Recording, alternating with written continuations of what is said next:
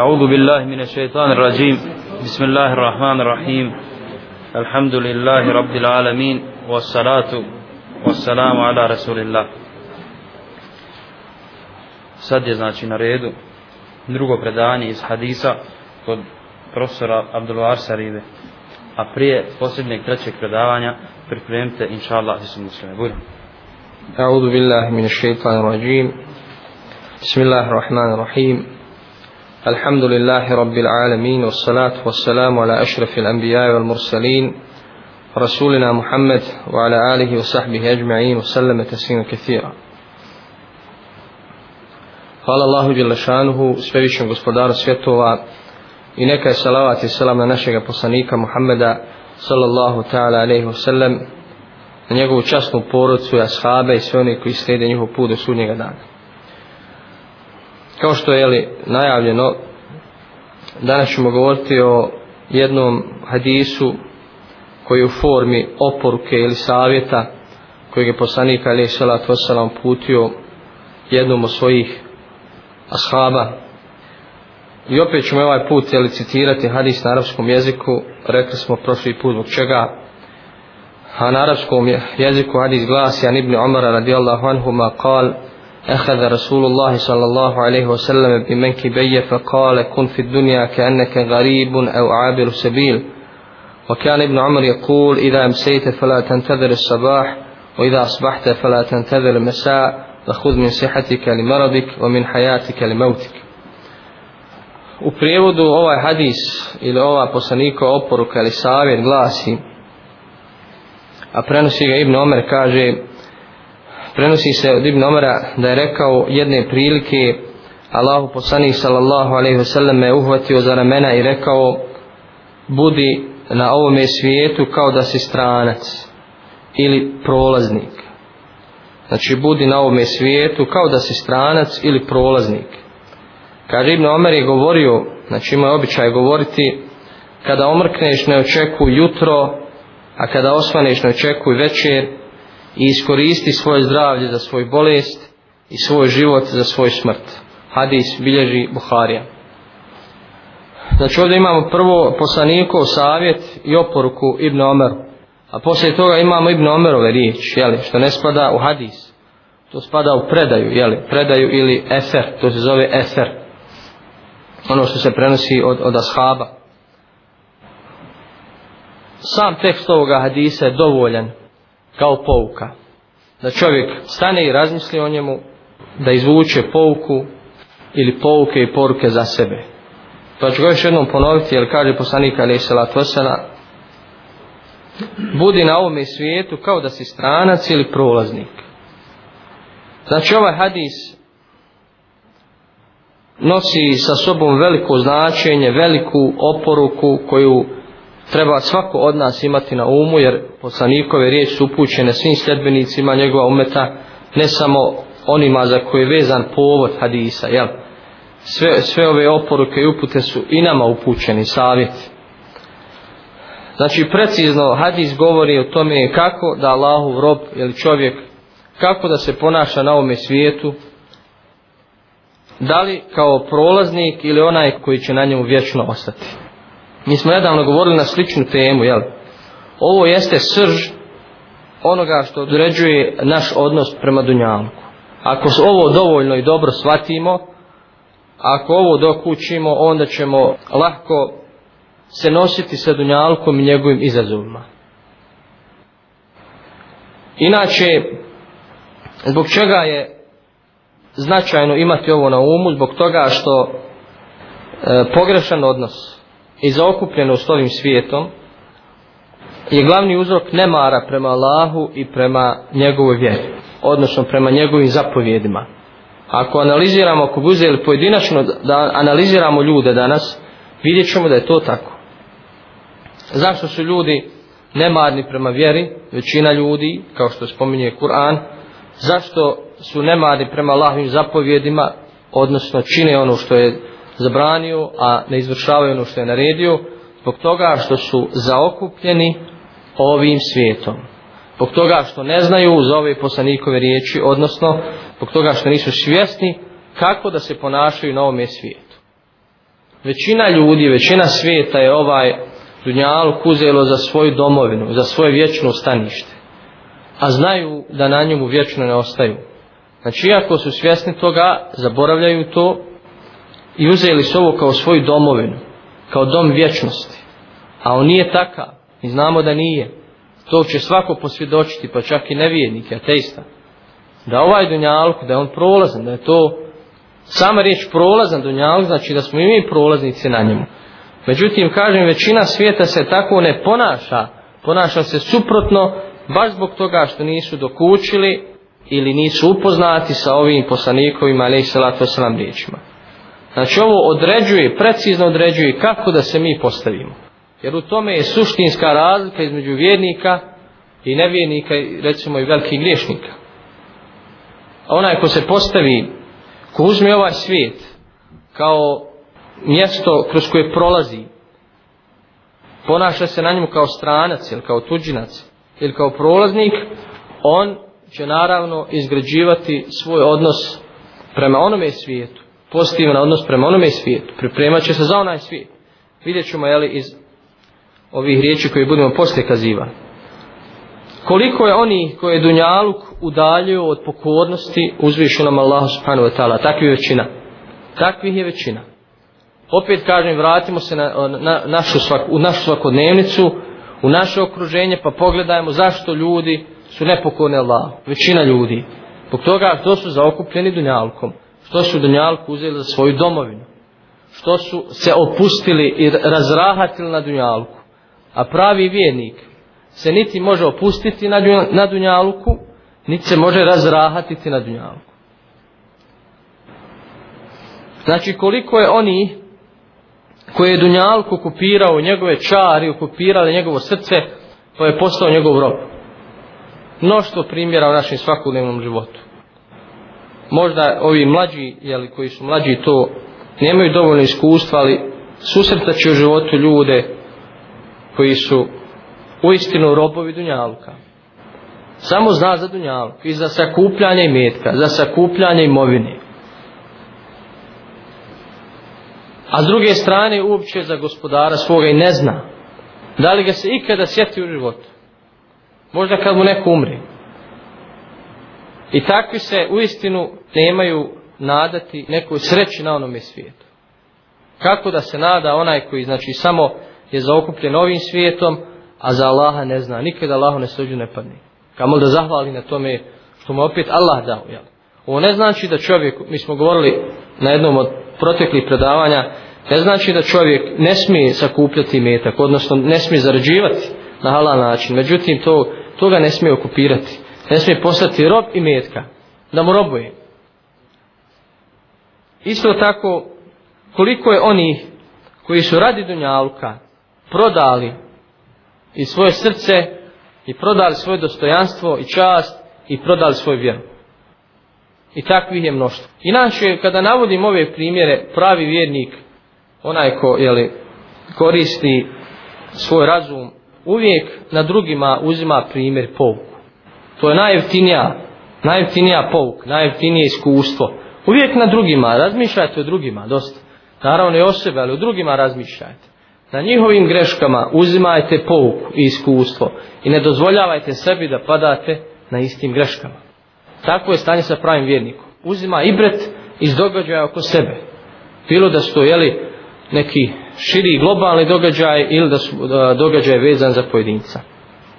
Zbog toga je poslanik Ali Isalat Veselam. Zbog toga što je ovo suština, suština čovjekovog života, odnosa prema Dunjaluku i prema Hiretu, zbog toga je rekao Ibn Omeru, ovo su znači sve obuhvate riječi.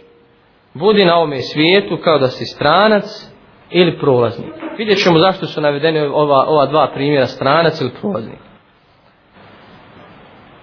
Malo ćemo se zadržati oko prolaznosti Dunjaluka, kažem sama činjenca koju niko ne poriče da je dunjalu prolazan govori nam dovoljno e, da je e, samim tim čovjek prolazan na dunjalku. Jer ako dunjaluk nije vječan, ne može čovjek biti vječan na dunjalku. Znači ono što niko ne, e, ne negira jeste da čovjek živi određeno vrijeme koje mu Allah odredio na ovome dunjaluku dok ne potroši svoju nafaku faku i onda se vraća uzvišenom Allahu. To je istina jednostavna, tako jednostavna, prosta, koju i najmlađi mogu da dokuće da shvati. I onda se vraća e, uzvišenom Allahu, o tome govori mnogi kuranski ajeti, međutim, to je istina i činjenica koju većina ljudi, koju većina ljudi smetnula suma. Tome je problem. Jer kaže, najbolji vajz je sjećanje smrt. To jeste, e, znači, spoznaje ove velike istine. To je najbolji vajz kad čovjek zna da, da se mora vratiti, onda razmisli o svome odnosu prema Allahu. Razmisli ozbiljno. Prepadne se. Jer valja se vratiti. Neka ja imam 20 godina, 30, 50, sve to relativno kratko ili relativno dugo. Relativno dug život. Ili relativno kratak. Sve su to znači decenije. Možemo podijeliti život na 5 ili 6 decenija. Ljudski život. 6, uzmo 6 decenija a decenija jedna, jeli, deset godina prođe veoma brzo, a tih šest decenija jedna za drugom vrlo brzo nestanu i tako nestane čovjekov život. Znači, onaj vjernik, pazite, zašto ovo govorim, vjernik koji je pametan, jer ima vjernika, ljudi su vjernici, i padaju Allah na seždu, međutim, ove mnoge činjenice istine koje su bitne zanemaruju. Zato ćemo naći, kaže, vidi ga, klanja je sve ovako, kaže, čovjek uzme metak, čovjeka prevario, slago i tako dalje. Imamo dosta takvih slučajeva. Znači, pametan vjernik nije obmanjen ovim dunjalkom. Ne smije biti obmanjen i zaokupljen. Malo je teže ovo govoriti mlađim ljudima. Jer zato što su mlađi ljudi, jeli, svi su mi relativno mladi, mlađi ljudi su znači, u cvijetu znači, svoga života, puni snage, energije, ambicije, trebaju takvi biti. Međutim, ne smetati suma ove činjenice. Bez obzira koliko smo mladi, kažem, život je isuviše kratak da bi ga proveli uzalud. Znači, nije pravi vjernik i pametan vjernik zaokupljen dunjalučkim čarima i ne ponaša se kao da će na dunjaluku vječno ostati. To je suštinska i ključna razlika između, između pravog vjernika i, kažem, vjernika koji su u dubokom nemaru, u dubokom gafletu, i obmane od strane Dunjaluka i od strane šeitana. Inače, šeitan koristi Dunjaluk kao svoje najefikasnije oružje. Dunjaluk i Dunjalučke čari koristi kao svoje najefikasnije oružje. Inače, svi vjerovjesnici, alihim salatu wasalam, su upozoravali svoje sredbenike na prolaznost Dunjaluka, što znači da je to jedan od temelja misije svakog poslanika. Svi su upozoravali na prolaznost Dunjaluka. Pa kaže, vjernik iz Faraonova, Nabda je govorio o narode moj, život na ovome svijetu je samo prolazno uživanje, a onaj svijet je zaista kuća vječnosti. Sura Gafir 39. ajet. A u drugom ajetu stoji život na ovom svijetu je sličan bilju, zemaljskom na koje mi ispustimo kišu s neba, s kojim se ona izmiješa, kojim se onda hrane ljudi stoka, pa kad se zemlja ukrasi svojim ruhom i okiti, kad stanovnici njezini pomisle da su oni toga gospodari, dođe zapovjed naša, noću ili danju, mi to pokosimo kao da prije ničega nije ni bilo. Eto tako mi potanko izlažemo dokaze narodu koji hoće da razmisli. Narodu ili ljudima koji hoće da razmisli. Znači ovdje Allah uzvišeni navodi primjer da se ljudi zadive onim što postignu. Svojim usjevima, jeli baštama i poljima, onda Allah dani da im to sve propadne. Odnosno Allah ukaže, malo ih podsjeća na prolaznost i onoga što posjeduju i njihovu prolaznost. Pa čak i kada se ne bi desilo ovo, da nam usjevi propadnu, ali dešava se često, gradovi, nevrijeme i tako dalje, poplave, dovoljno je to da, da vidimo, jeli, da pratimo godišnja doba. Proljeće kako se sve rađa, cvjeta, pa onda sazrijeva ljeto, pa onda opet jesen kako sve žuti i umire, takav je ljudski život. Znači, rađanje, vrhunac života i onda polako se sve suši i nestaje. Kaže poslanik alaih salatu wasalam u hadisu, kaže primjer mene i Dunjaluka je kao konjanik ili primjer konjanika koji se sklonuo u hlad drveta, znači pod hlad, zatim otišao i ostavio ga. Znači takav je čovjekov odnos prema Dunjaluku. Kao konjanik koji dođe malo da odmori u hladu, pola sata, sat vremena i ide dalje svojim putem. Kaže Uzvišen Allah subhanahu wa ta'ala وَمَا الْحَيَاتُ دُنْيَا إِلَّا مَتَعُ الْغُرُورِ Kaže, e, život na ovom dunjalku je samo varljivo naslađivanje. Dunjalku ima svoje slasti. To, o tome govori Kur'an i Hadis. Poslanika alaih salatu wasalam. Ali te slasti čovjeka mogu zavarati. Kada ga okrenu i od sjećanja na Allaha i na Hiret, onda su ga zavarali. E, one su varljive samim tim što su prolazne. Jer ono što prolazi, što ti neće ostati vječno u tvome posjedu, to je varljivo naslađivanje. Pa kaže, sjeti se ljudi, kada posignu nešto dunjaluka, recimo nešto ostvare u životu, od ovo dunjalučki blagodati, pa im drago, veselje, a onda se sjeti, sjeti da će to jednoga dana izgubiti, da će im to otići, odnosno da će ostati iza njih. I onda ta slast, slast prestaje. Zato kaže poslanik alejhi salatu vesselam u jednom drugom hadisu sjećajte se onoga što ukida svaku slast, a to je smrt. Čovjek kaže može postići vrhunac uspjeha u životu, sve što zaželi u životu. Međutim, samo sjećanje na to da će mu to nestati, da će ovaj, da prolazi sa njim, sa njegovim životom, je dovoljno da se ne raduje previše.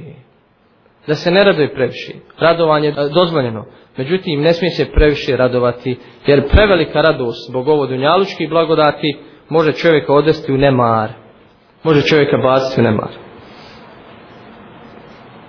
Poslanik Ali Salatu Sanom u ovom hadisu navodi, kažem, dva primjera. Navodi primjer stranca ili prolaznika. Zašto navodi ta dva slikovita primjera? Da budemo na ovome dunjalku kao stranci, to jeste kao da nismo državljani ovog dunjalka. Naša država je ili naša domovina je na ahiretu. I njoj treba da težimo, njoj treba da žudimo. A Dunjaluk je neča tuđa domovina. Tu smo samo radi određenog zadatka. Da ga obavimo da se vratimo. Ili kaže kao prolaznik. Kaže zašto poslanik Ali Islalat Veselam navodi primjer prolaznika. Jer kaže prolaznik se nikada neće nastaniti u zemlji kroz koju prolazi. On samo kroz nju prolazi, nije došlo da se tu nastanje. Ha, Hafiz ibn Hajar je poznati komentator hadisa, poslanikovi, jeli, kaže prolaznik je onaj koji prolazi kroz neko mjesto ili ide putem tražeći svoju domovinu, jeli, ide ka svojoj domovini.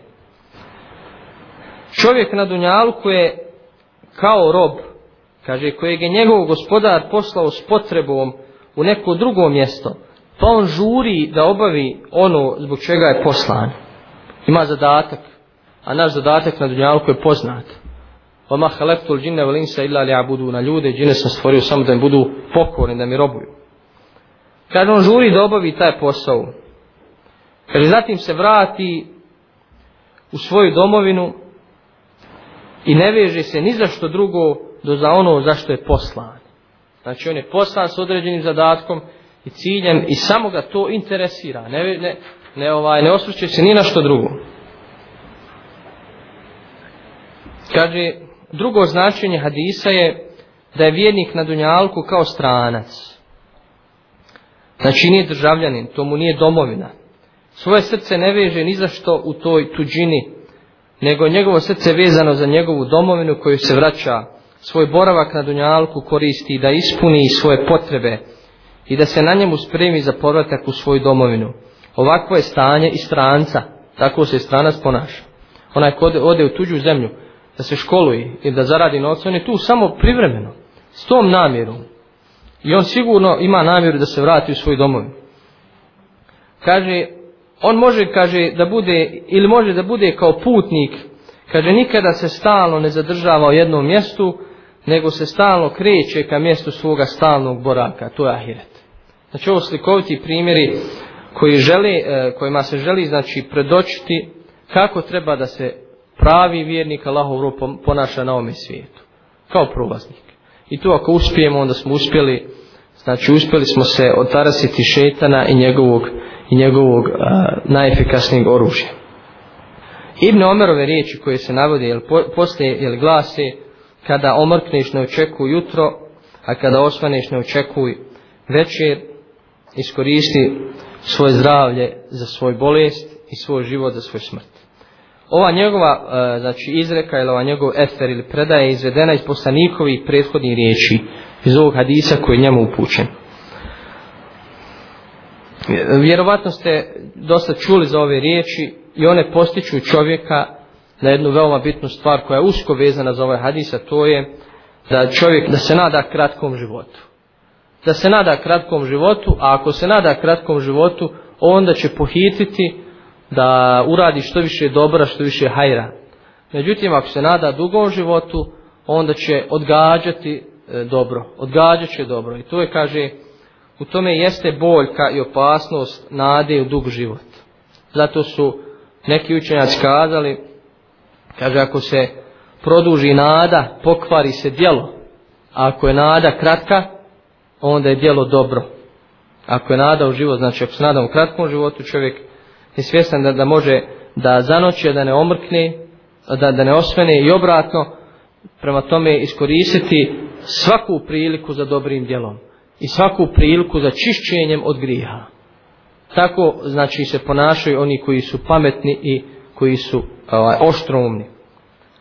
Iskoristiti zdravlje prije bolesti ili za bolest, zato što čovjek u bolesti mnoga dobra djela ne može da čini bolest je musibet, iskušenje niko to ne zna osim oni koji su bolesti znači ne možemo činiti dobra u bolesti kao što možemo činiti kada smo zdravi isto tako iako možemo da obavljamo neke neka dobra djela kada smo bolesni ne možemo ih obaviti onako kvalitetno kao što ih možemo obaviti kada smo zdravi i kaže Ibnul Ibnul Džauzi čovjek je nekada zdrav ali je prezauzet radom za egzistenciju. Bori se, posao tamo vamo, trči za radi, poroci, djeci. Nema, znači, nema dovoljno vremena, zdravi, ali nema dovoljno vremena za ibadetom. Nema dovoljno vremena da se posveti ono, jeli, čisto ahiretu.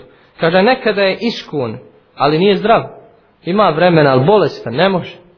Zabavio se o sebi, o svojoj bolesti, musibet, iskušenje. Kaže, nekada ima i zdravlje i vremena, ali ga lijenost savlada.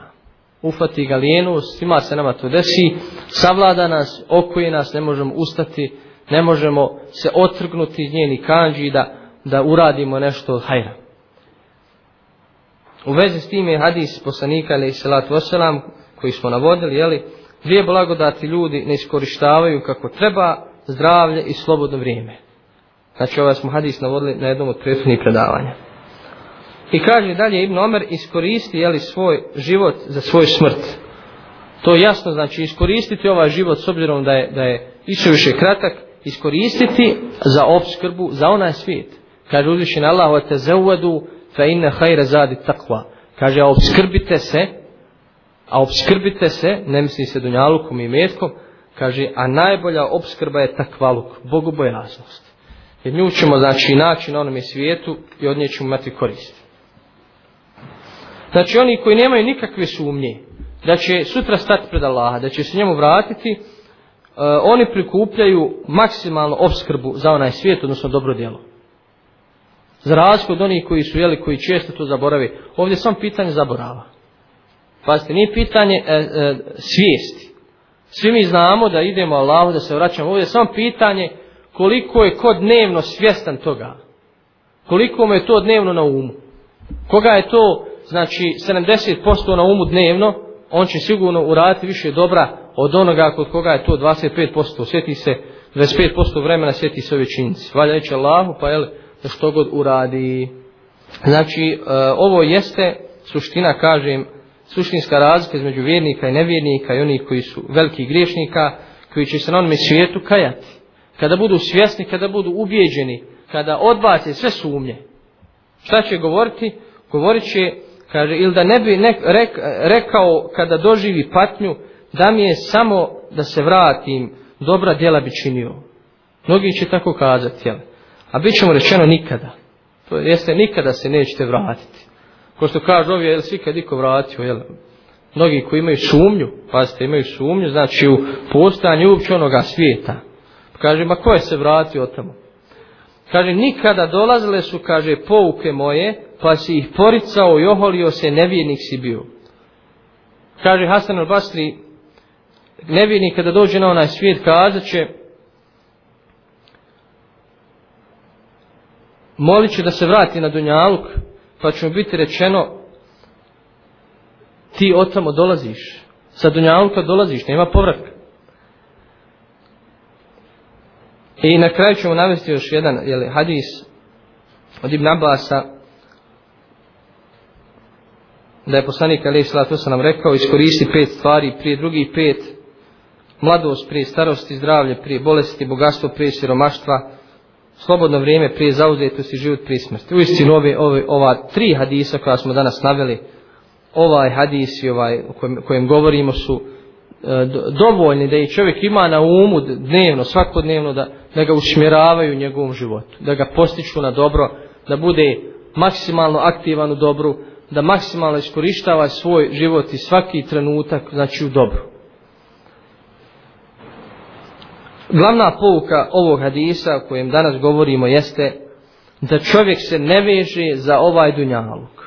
Da svoje srce ne veže, da ne pušta duboke korijenje. Da nema neke plaho ambiciozne planove u životu.